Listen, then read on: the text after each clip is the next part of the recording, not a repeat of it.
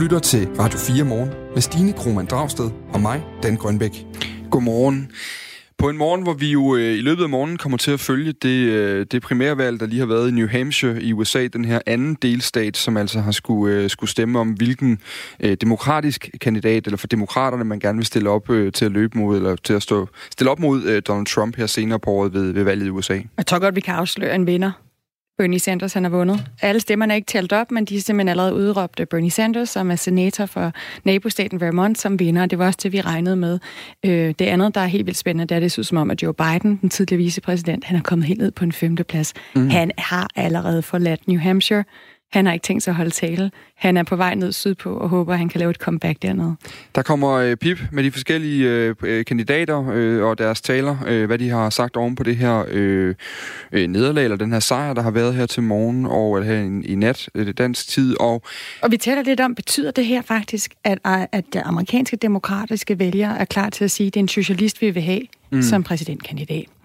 Så øh, skal vi også tale om, at anklaget af, øh, antallet undskyld, af klager over bekymrende forhold på bosteder, altså sociale bosteder, for borgere med for eksempel handicap og psykisk sygdom og stofmisbrug, det er steget øh, markant.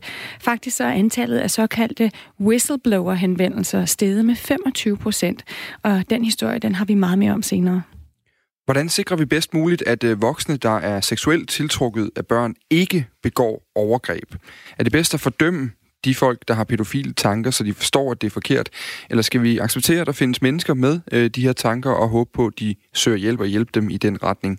Vi jager videre efter svaret på det spørgsmål, efter vi i går talte med Socialdemokratiets øh, socialordfører, Camilla Fabricius, som jo i går i radioen sagde, at hun ikke synes, det er moralsk ok bare at have tanker om øh, pædofili. Vi taler med en, der forsøger at hjælpe øh, pædofile, så de ikke begår overgreb mod børn. Det gør vi klokken cirka kvart over seks.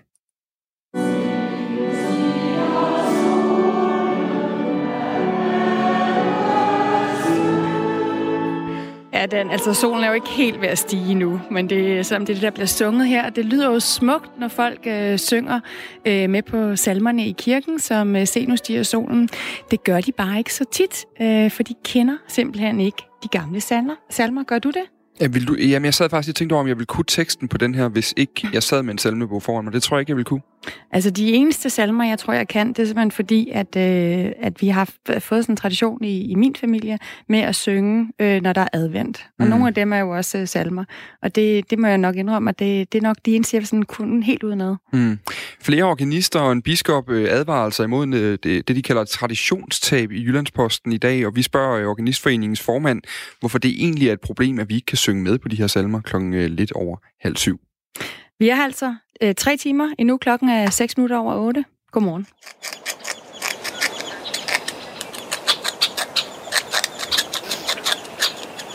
Det her, det er lyden af en øh, gnaver, der i den grad har gjort comeback i øh, den danske natur.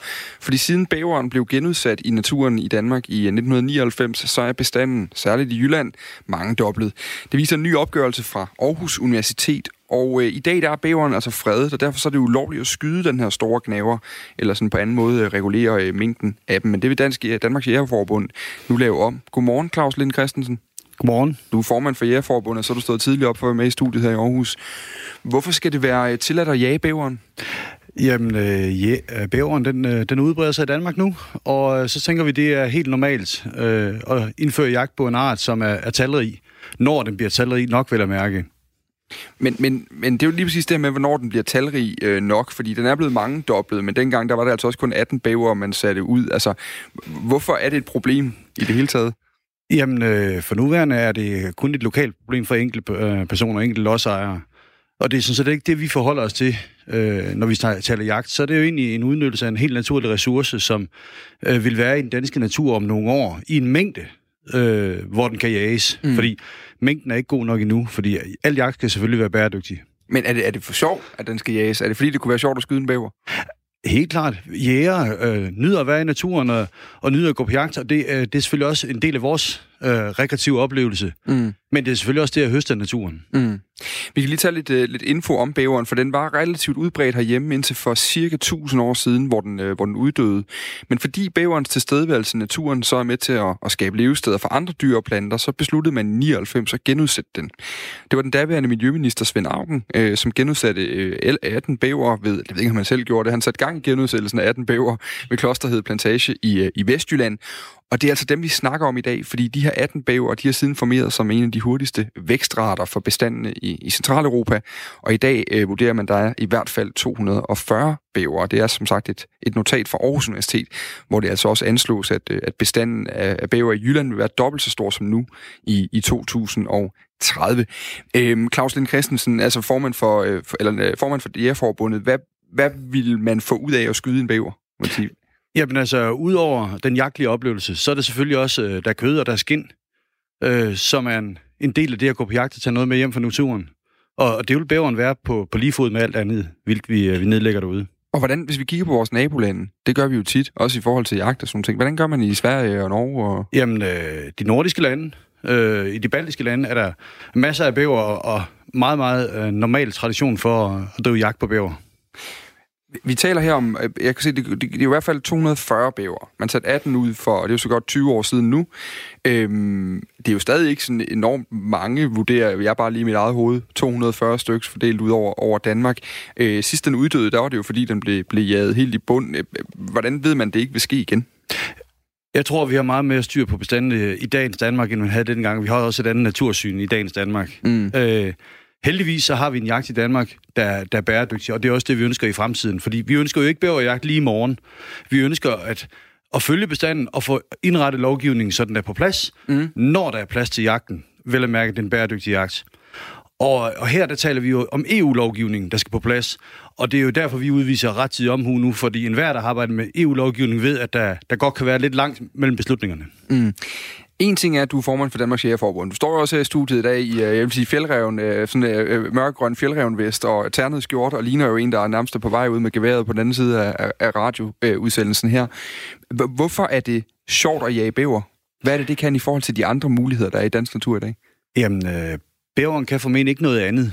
Øh, men det er et jagtobjekt, og det er, det er det at være derude. Det er spænding, det er... Øh, der er bæverne dyr på lige fod med et stykke råvildt, eller krondyr, eller en grå for den sags skyld. Mm. Men, men hvordan jager man? Altså, er det et helt klassisk jagt? Jeg, jeg taler jo som en... Øh, jamen, jeg har bruger jo ikke... Jeg, jeg, jeg, det tætteste, jeg kommer på jagt, det er, når jeg snakker med dig i det her studie her. Altså, er, er der noget specielt ved jagten, der er, der er interessant? Fordi ellers kunne man jo forestille sig, når der ikke er flere, så kan I vel bare skyde noget råvildt. Det har vi masser i forvejen. Da, jeg, jeg har ikke selv prøvet øh, bæverjagten, skal jeg lige skynde mig at sige. Mm. Øh, så så der, der vil jeg også være novi, øh, novice, hvis jeg skal afsted.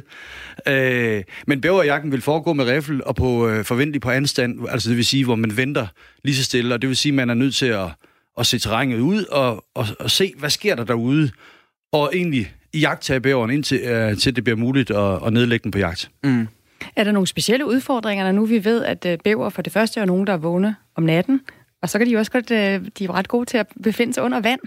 Det er, som jeg er oplyst, så er det, øh, så er det en udfordrende jagt bestemt, fordi, øh, det, som du selv siger, den svømmer, og det er også et meget overvågen dyr, øh, og kan advare andre. Det har jeg faktisk prøvet i Sverige på fisketur, okay. øh, hvor sådan en bæver, den svømmer ved siden af mig. Forestil dig at gå helt alene ved, ved elven.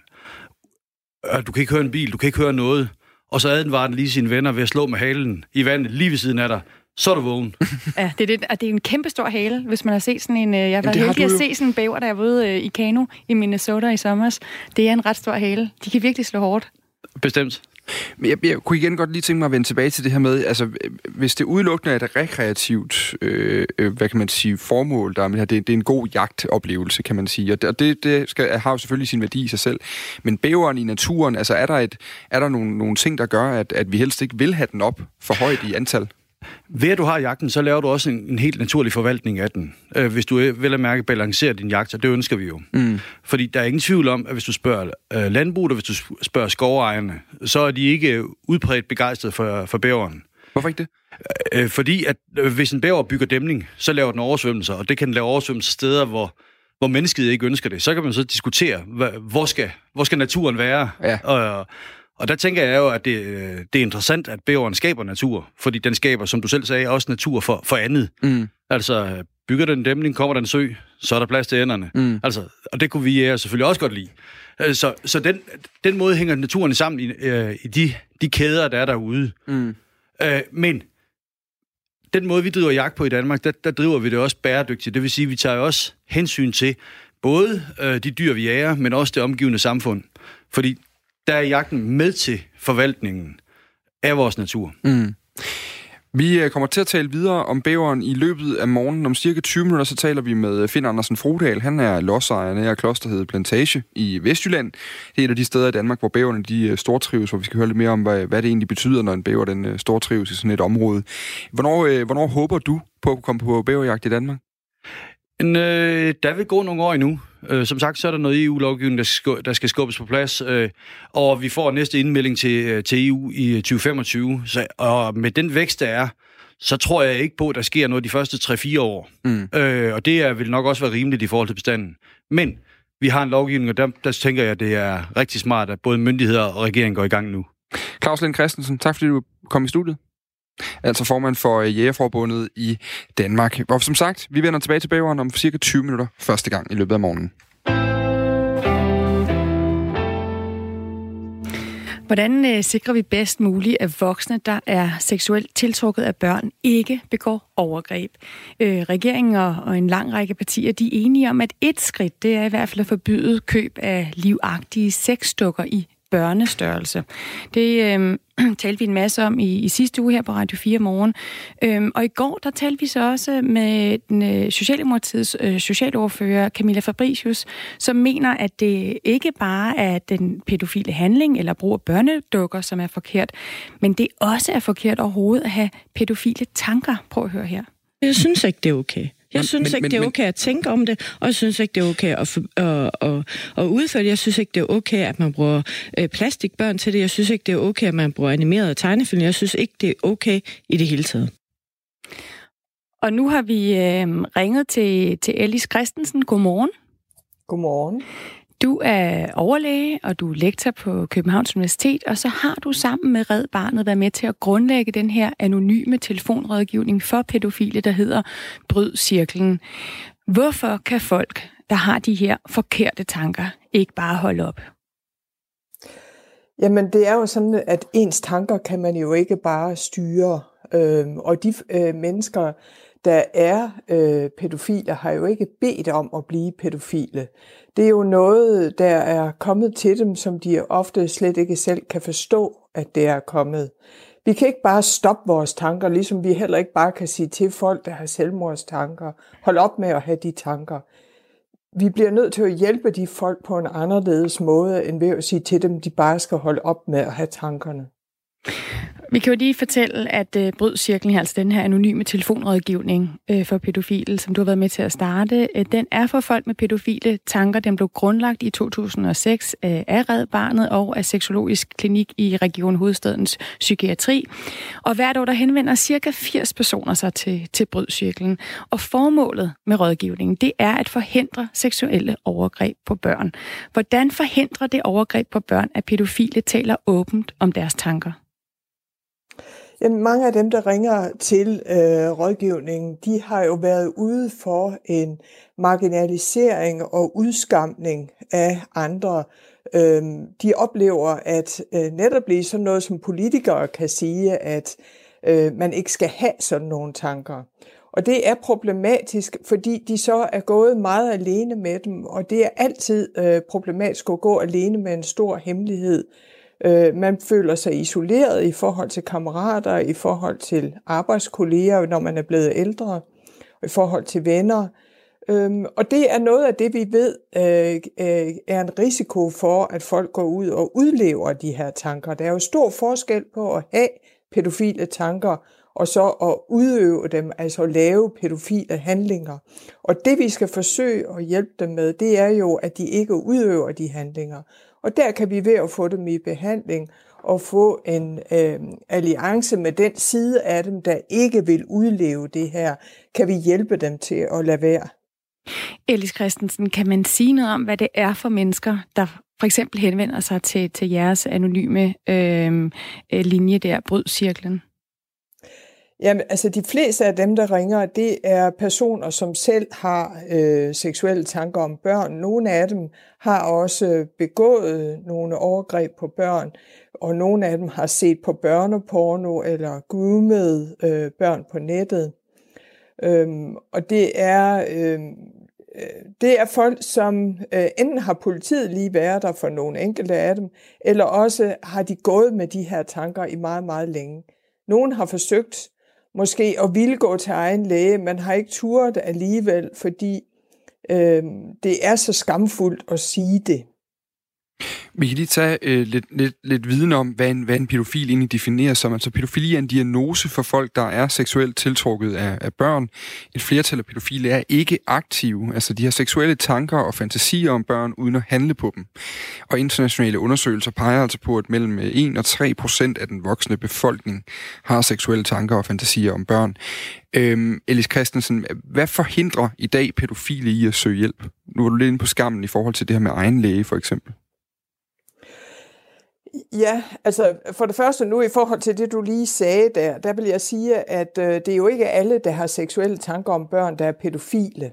Altså øh, dem, vi kalder pædofile, det er jo dem, der er øh, foretrukne seksualpartner, det er børn. Der er jo mange, der har seksuelle tanker om børn, som også godt kunne være sammen med voksne. Og, øh, og lige præcis dem, der øh, gerne vil være sammen med voksne også, det er jo, øh, det er jo dem, vi øh, kan hjælpe til at kunne mere øhm, øh, være sammen med voksne. Og øh, få et øh, altså føle sig accepteret i samfundet, få et godt øh, øh liv sammen med andre og derved øhm, øh, øh, have, have et godt liv, som gør, at det er nemmere for dem at, øh, at dulme de her tanker omkring øh, børn. Men, men så er du inde på det her med tanker alligevel, så de tanker skal altså dulmes. Altså nu når vi snakker om tanker er rigtige eller forkerte, det er vigtigt, at man handler på dem, taler åbent om dem, men når der så er nogen, der henvender sig til jer, så handler det blandt andet også om at få dulmet de tanker. Ja, altså øhm, øh, i det øjeblik, du har nogle forbudte tanker, øh, som du ikke øh, øh, har meget svært ved at forholde dig til, så kan de komme til at fylde det hele øh, i dit liv.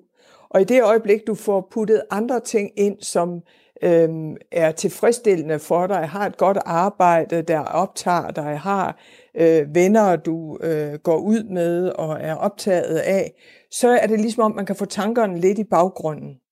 Så det er blandt andet noget af det, vi prøver, og, og, og at de får tilfredsstillet øh, deres øh, behov for ømhed, for nærhed på en anderledes måde, end ved eventuelt at udleve den seksualitet i forhold til børn.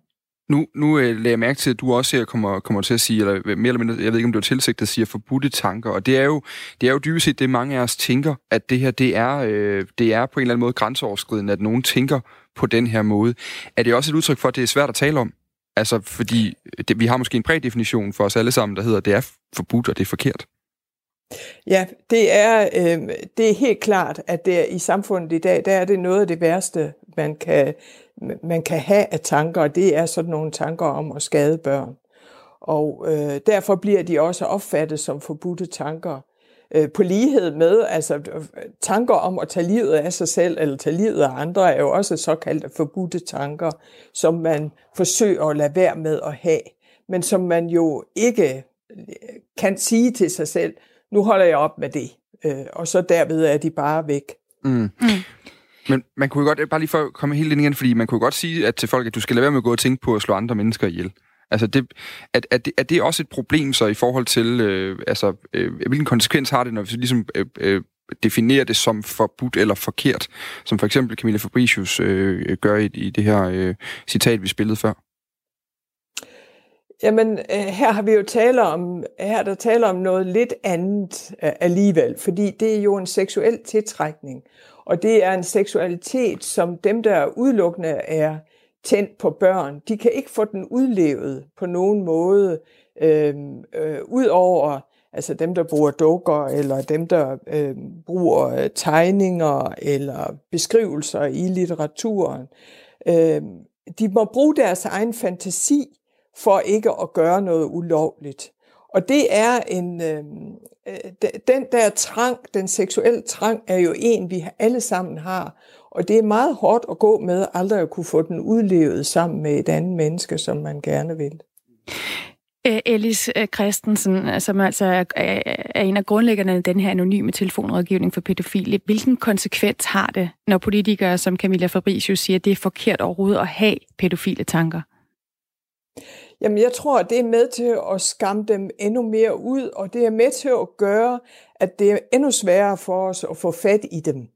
Fordi de skal helst kunne, øh, øh, kunne vide og kunne mærke, at vi er godt klar over, at de har det svært. Det er ikke noget, de selv har valgt. Og de skal have vide, at de kan få hjælp, og at man kan se dem som den person, de er, som har pædofile tanker. Man kan godt respektere personen. Det er jo ikke personen som sådan, som... Øh, altså det er også problemet med at, at kalde folk pædofile. Ikke? Altså, det er ligesom om, de er kun det.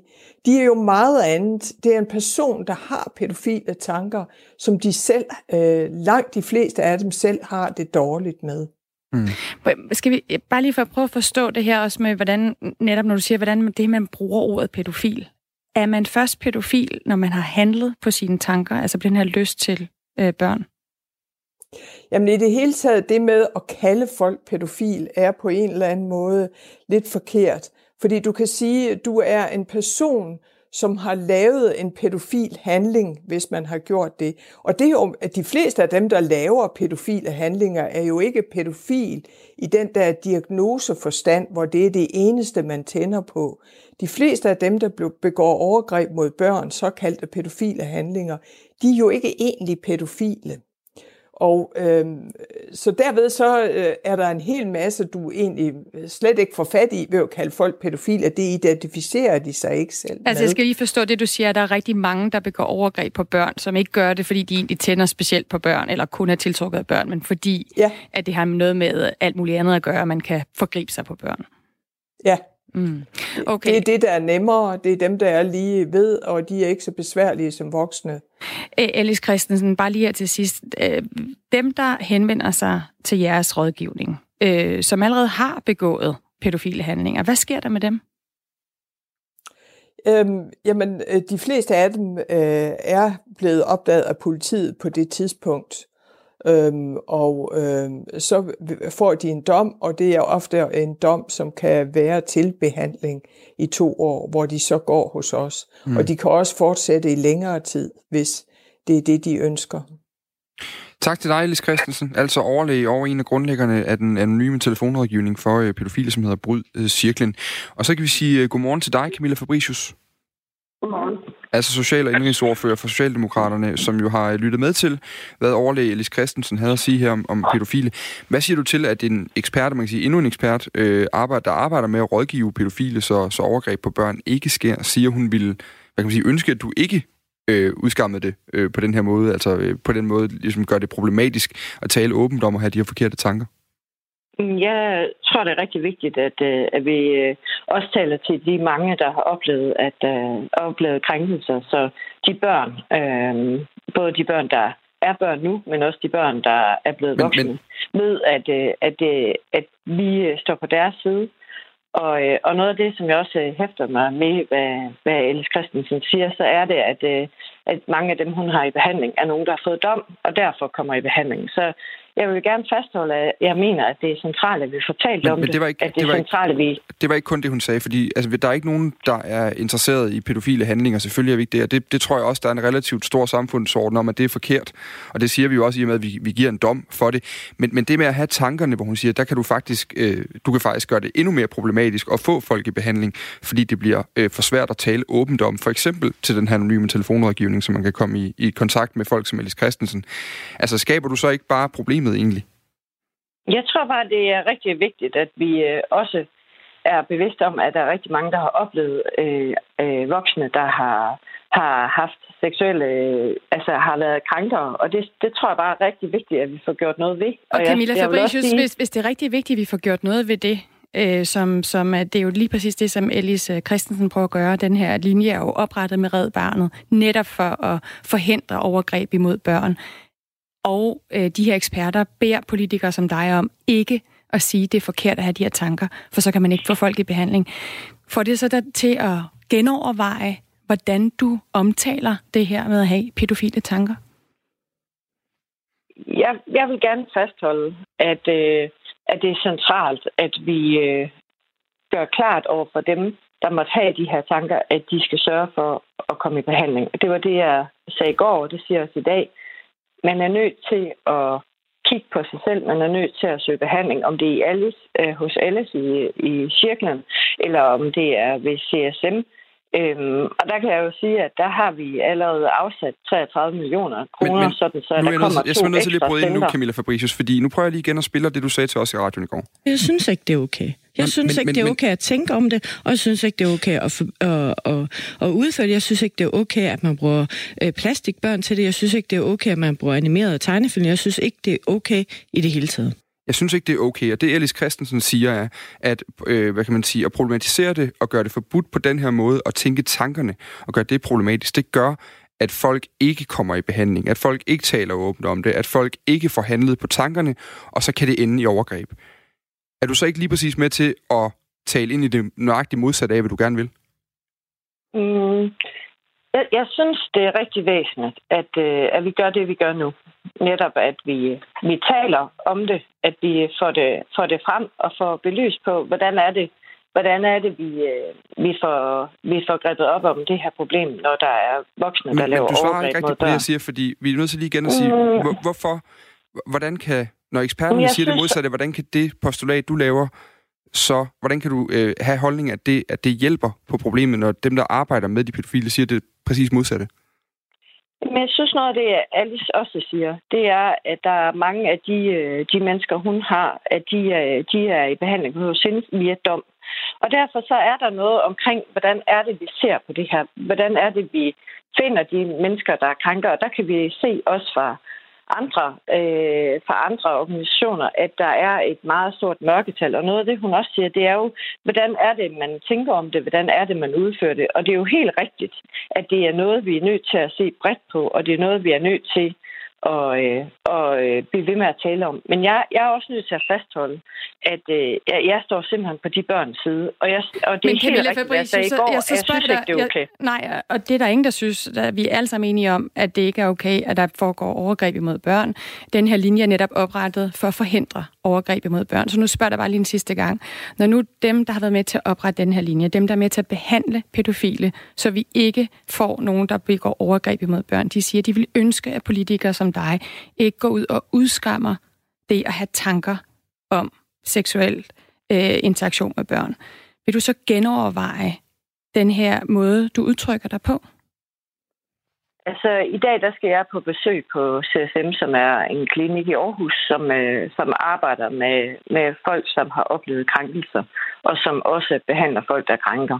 Jeg synes, det er vigtigt, at vi som politikere får hånden ned og taler med både... det er ikke det, vi spørger om, Camilla Fabricius. Det er jo, simpelthen ikke det, vi spørger om. det hænger sammen. Jeg synes, det hænger sammen.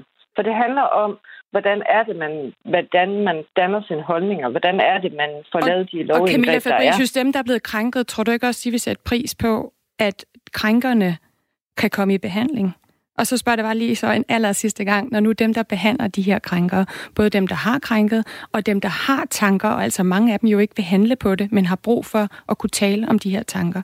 Vil du genoverveje den måde, du taler om forbudte tanker på, når nu eksperter siger, det er et problem for os, når politikere som dig går ud og siger, det er forkert at have de her tanker? Jeg synes, det er væsentligt, at politikere som mig... Altså, også... kunne du bare sige ja eller nej til det spørgsmål? Det er, sådan ret, mm, det er ret jamen, klart. Men det, ja, det, det, det handler ikke om at være for og imod i forhold til, ja. til dem, der er blevet krænket. Ja. Nu snakker vi om at forhindre, at børn bliver krænket. Ja, ja eller synes, nej til, at vi ikke skammer og udskammer de her pædofile mm. tanker? Alice Christman siger mange andre ting også i det her. Ja, men nu spørger jeg dig lige om det her. Nu spørger om det her, for det har du udtalt om helt specifikt. Du har sagt, det er forkert at have de her tanker. Vil du genoverveje, hvad du har tweetet her, hvad du har sagt til os i går? Jeg fastholder, hvad jeg sagde i går, og jeg mener, det er væsentligt, at man søger behandling, når man har sådan nogle tanker. Jeg synes ikke, det er okay. Jeg synes, man skal søge behandling.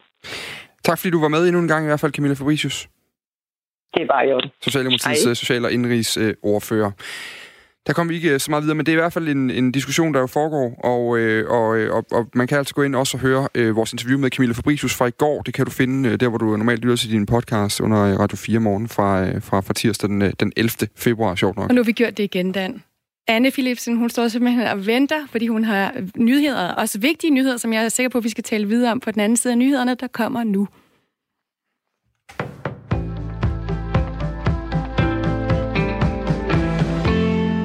Og jeg starter med at fortælle, at der er markant flere, der klager anonymt over bekymrende forhold på bosteder for borgere med handicap, psykisk sygdom og stofmisbrug.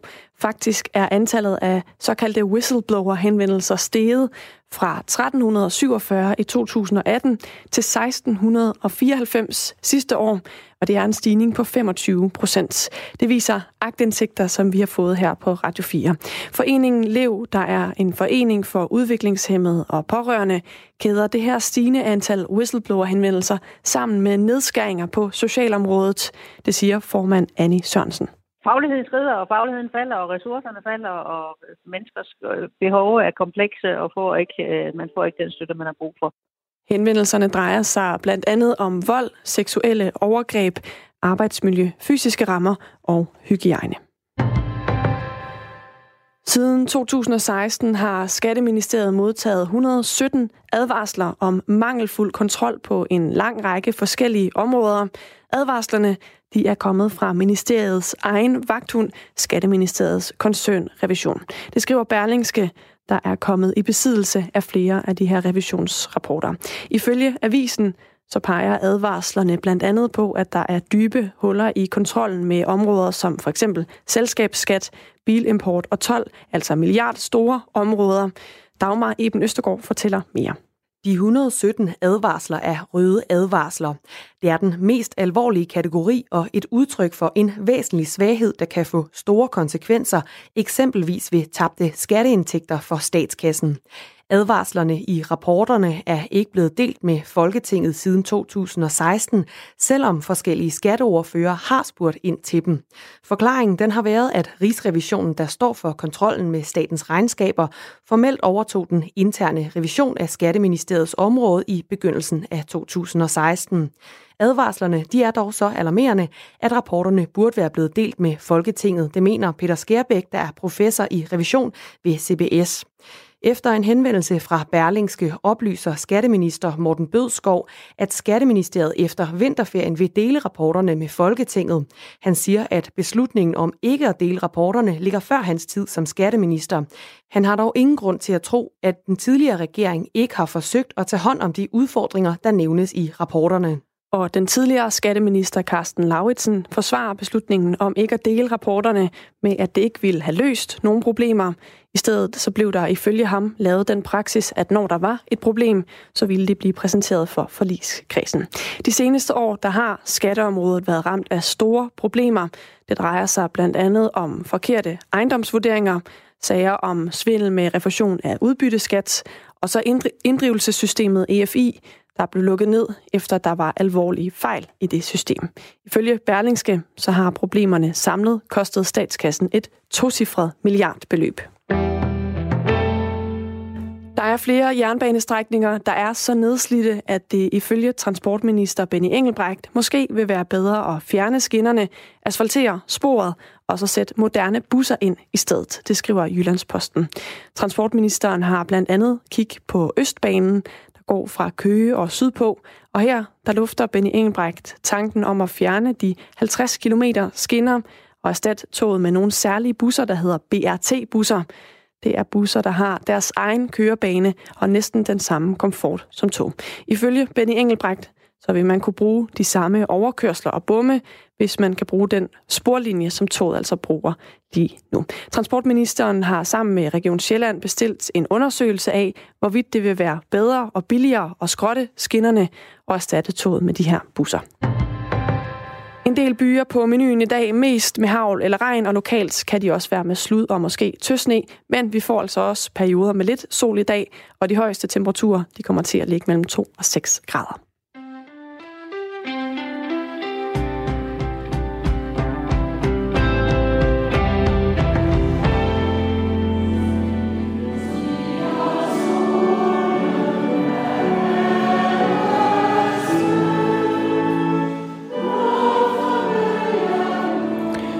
Stiger solen. Det lyder jo altså øh, unægteligt smukt, når folk synger med på salmerne i kirken, som vi øh, hører her under øh, min stemme. Men sådan lyder det jo øh, desværre langt fra altid, når organisten spiller op til øh, fællessang i øh, landets kirker. Er det ikke korrekt, Ingrid Bartolin Gramstrup? Det er det, mm. men altså... Øh, det er jo lige måske for meget at, at sige, at øh, på den måde, at salmesangen er forstummet. Mm. Fordi selvfølgelig er der da til almindelige gudstjenester og højmesser øh, god sang. Men øh, generelt så, så er der mange mennesker, der kommer i kirke, som ikke synger så godt med på salmerne. Mm.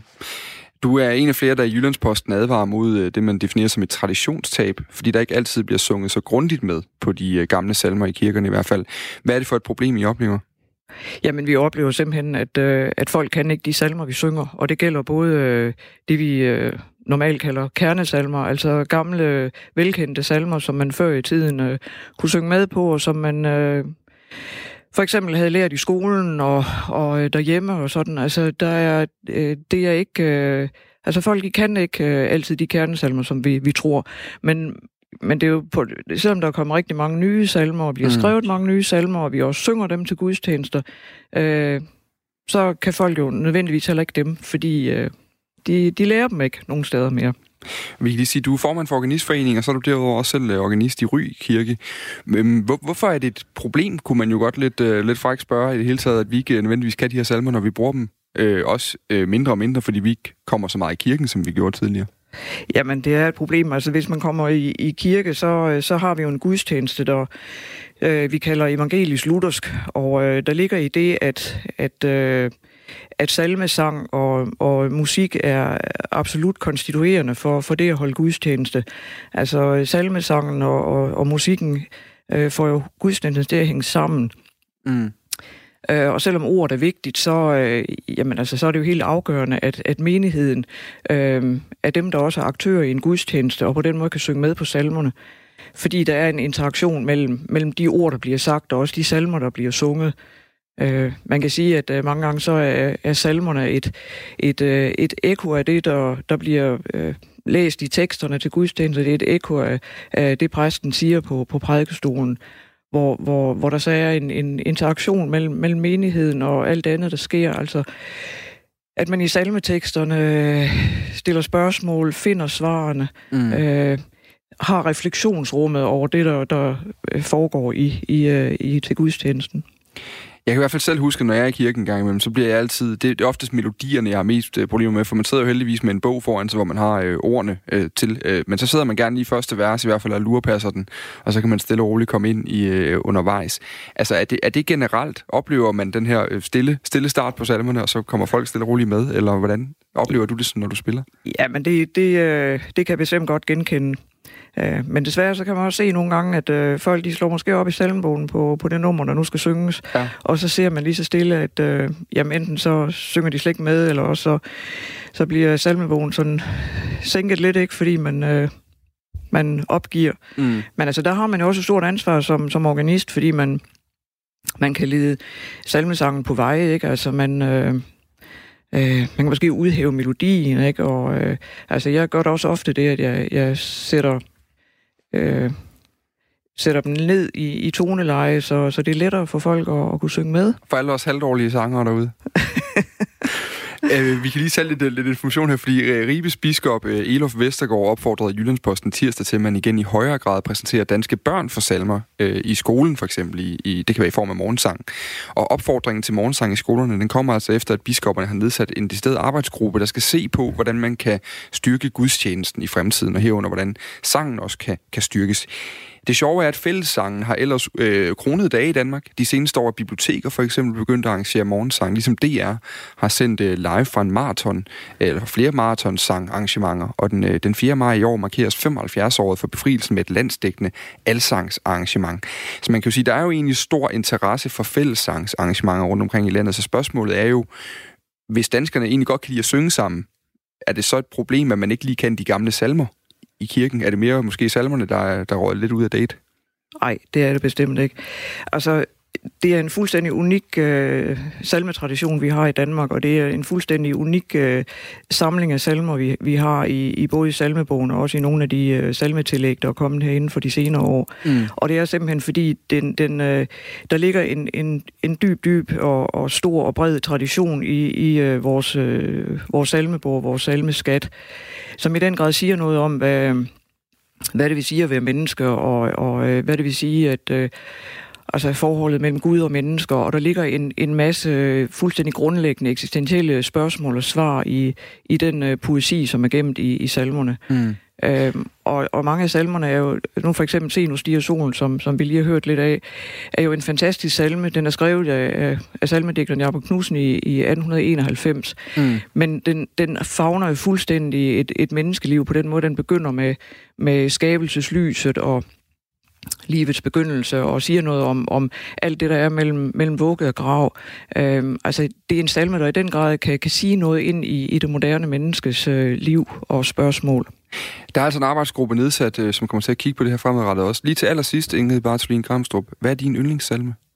Jamen, det er Sinus solen. Det er Sinus solen? Ja, det er det. Jamen, så, så tager vi en bid mere af den. Tak, ja. fordi du kom i studiet i hvert fald. Ja, selv tak.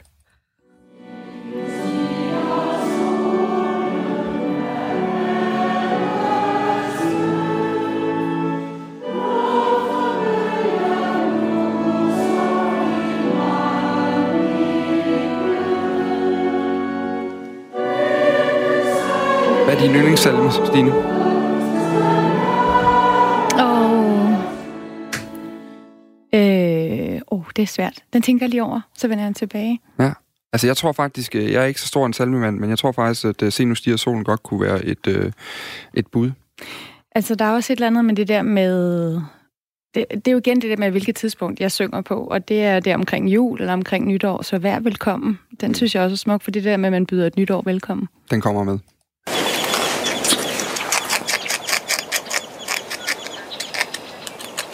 Vi elsker dyrelyde her på Radio 4 morgen. Mm. og det her, det er lyden af bæver. Har du stået med sådan en øh, bæverpind i, i hånden, Dan? Aldrig nogensinde. Jeg aner ikke, hvordan den ser ud. Nej, det er ret, det er ret vildt, fordi de tager jo al bakken af. Og, øh, og så i hvert fald dem, jeg har set, så er der altid sådan knædet helt ind, tæt ind i, i midten af pinden. Mm. Jeg ved ikke, om det er, fordi de så bedre kan bære dem. Men altså, øh, de her bæver, antallet af dem, de er jo mange doblet de seneste 20 år i Danmark. Og det er særligt i området nær Klosterhed Plantage i Vestjylland, hvor øh, bæverne de øh, virkelig boldrer sig.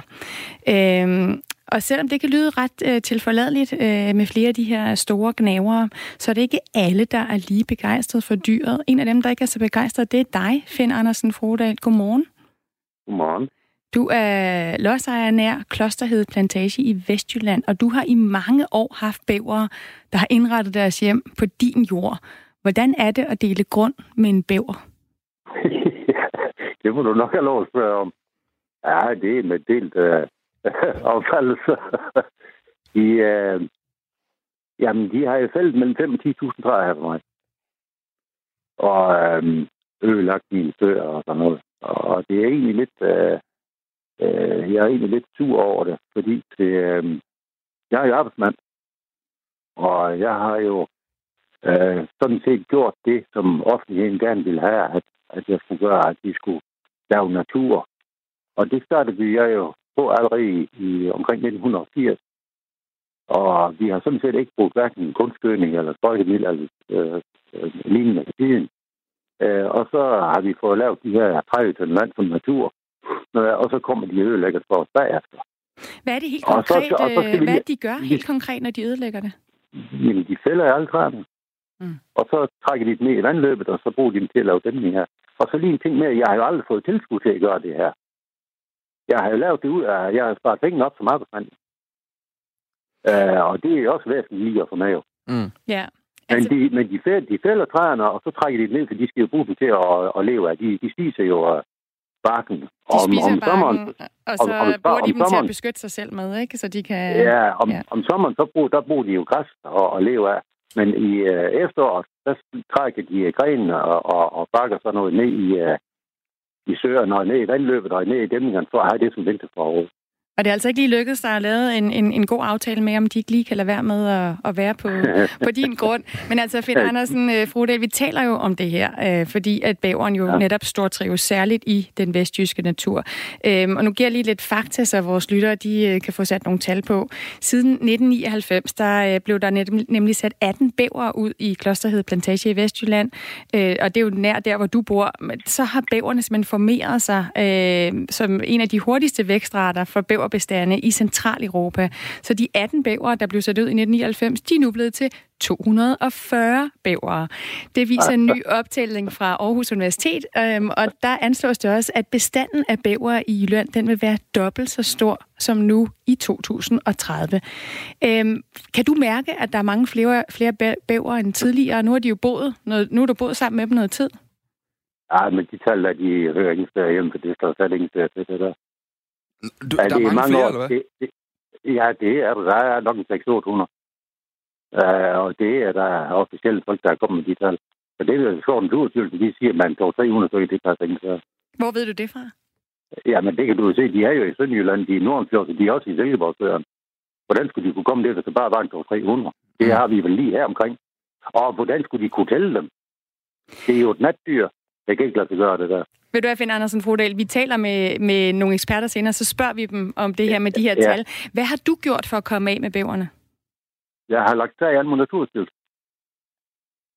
Uh, og det har jo så kostet... Ja, men alt i alt, så har det jo kostet en halv million for at lægge sag an. Mm. Men altså, jeg, de påstod jo til at begynde med, at jeg ikke uh, har ringet til dem. Jeg begyndte jo at ringe til dem allerede i 2002. Ja. Det var mange år siden. Men de gav jo ikke tage telefonen, når jeg ringede til dem. Hvad vil du have, de skal nu gøre? Bruger, nu, bruger, nu, nu bruger jeg sms, øh, så jeg kan bevise, at jeg har haft uh, kontakt med dem. Hvad, hvad, er det, du, hvad er det, du gerne, hvad er det, du sms'er dem om? Hvad vil du gerne have, at uh, Naturstyrelsen Jamen, gør? De skal, de skal komme og rydde op efter dem. Uh, og de der dæmninger, de laver i, uh, i vandløbene, der skal de komme og rydde dem op uh, og, og rense op efter dem. Og ikke nok, de rykker, og så kommer de også og gør det nu. Øh, men det der mudder, som de øh, trækker ud i vandløbene, det graver de jo ikke op. De tager jo kun de pindstumper op, og så lægger de jo. Øh, der er en kollega herfra, der har de fået gravet hans vandløb, og der har de gravet 75 cm af bunden af vandløbet for at komme ned i, i den rigtige kode igen. Og det, skal, det skulle gøres i alle vandløb nu. Og alt det mudder, som de har trukket nu, det ligger stadigvæk, og så hæver de vandstanden, og så går det ud over alle de dræn, der ligger i markeren. Så, Ja. Finn Andersen Frodal, øh, bæveren den er jo fredet i dag. Den må ikke jages. Ja. Men tidligere på morgenen, der snakkede vi med, med Claus Lind Christensen, og han er jæger, og han er formand for Jægerforbundet. Og han fortalte, at han synes, det vil være naturligt, at man nu giver øh, jæger lov til at skyde og jage bæveren. Vil det løse ja. dine problemer? Nej. Du kan ikke skyde det ud af, det kan ikke lade sig gøre. For det første så er det jo et natdyr, du må ikke gå på jagt om natten, jo. Hvis vi skal komme bare, hvis vi skal være nogenlunde sikre på, at vi kan have vores ting i fred og ro, så er vi i hvert fald nødt til at bruge fælder. Men det skal være de rigtige fælder. Det skal ikke være sakser, øh, og, og som der er nogen, der bruger. For nu bliver de slået hjælp på alle mulige forskellige fasonger. Alt muligt for godt af hånden, og godt folk de kan få fat i.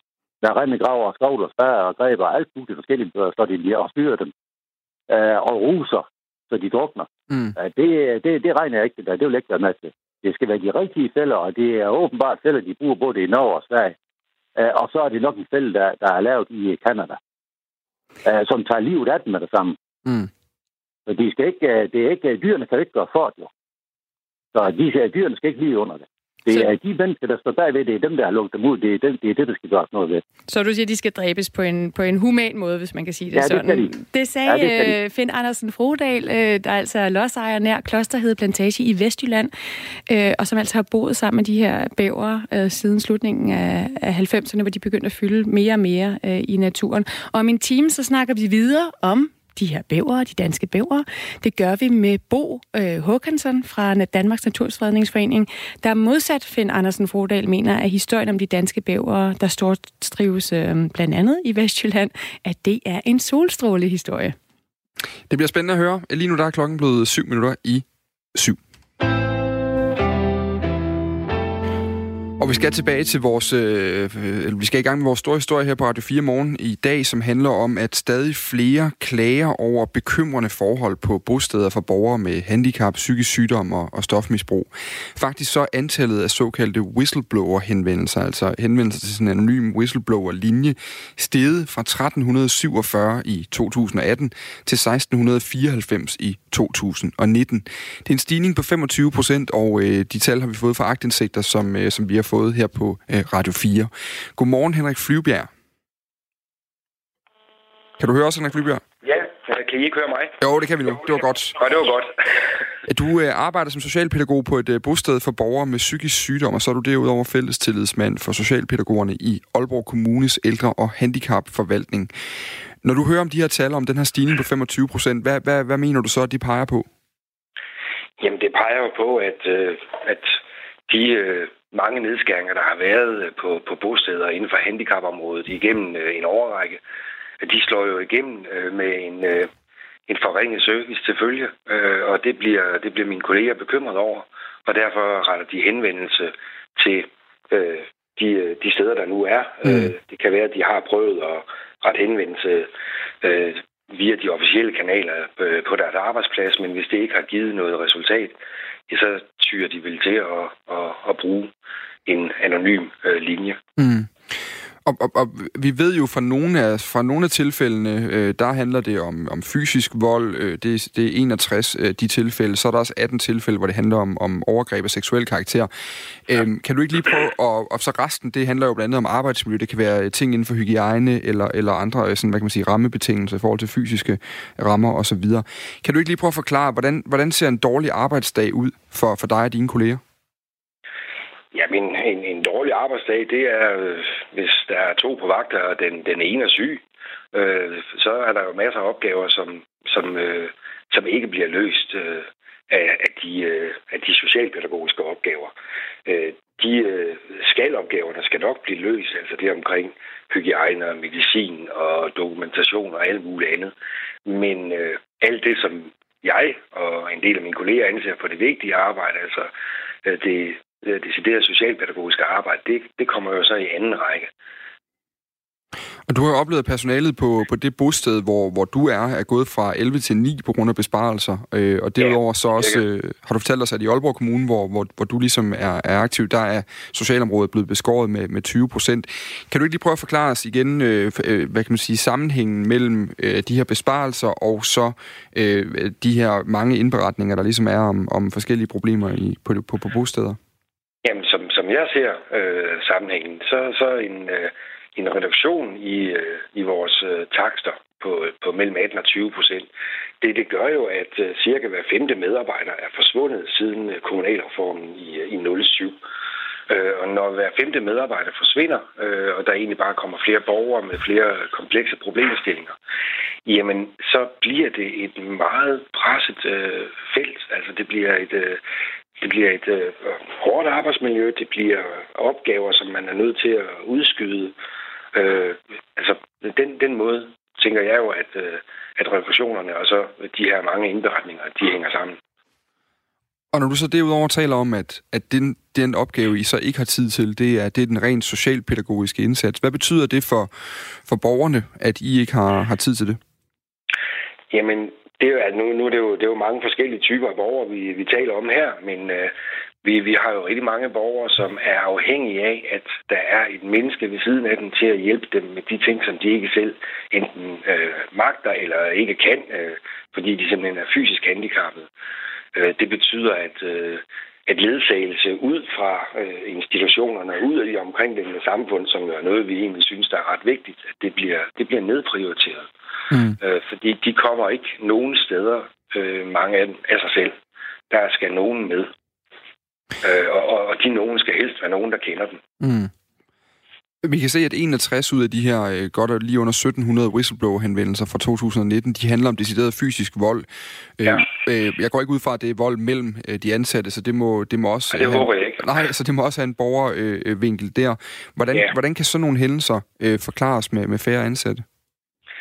Jamen, øh, frustrationstærsken hos en del af de borgere, som, øh, som vi arbejder med og for, den, øh, den, den, er, den, den kan være lidt lav nogle gange. Øh, og hvis, øh, hvis du hele tiden er nødt til at udskyde nogle behov, som du rent faktisk ikke kan udskyde, og hvis dit, øh, dit funktionsniveau øh, i pressede situationer er som et barn på en 3-4 år, jamen så reagerer man jo også som et barn på en 3-4 år. Og, og hvad gør de, hvis de bliver kede af det, de bliver sure? Jamen, de slår.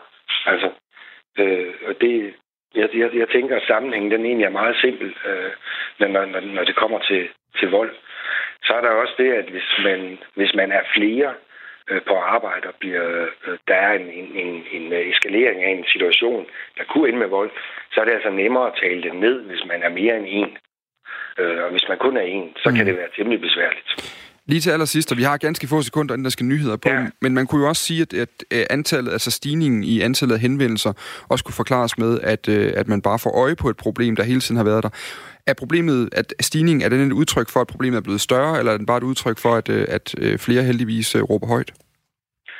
Jamen, øh, jeg tror, det er begge dele. Øh, at flere de råber højt, men også, at, at området er, bliver mere og mere presset øh, år for år.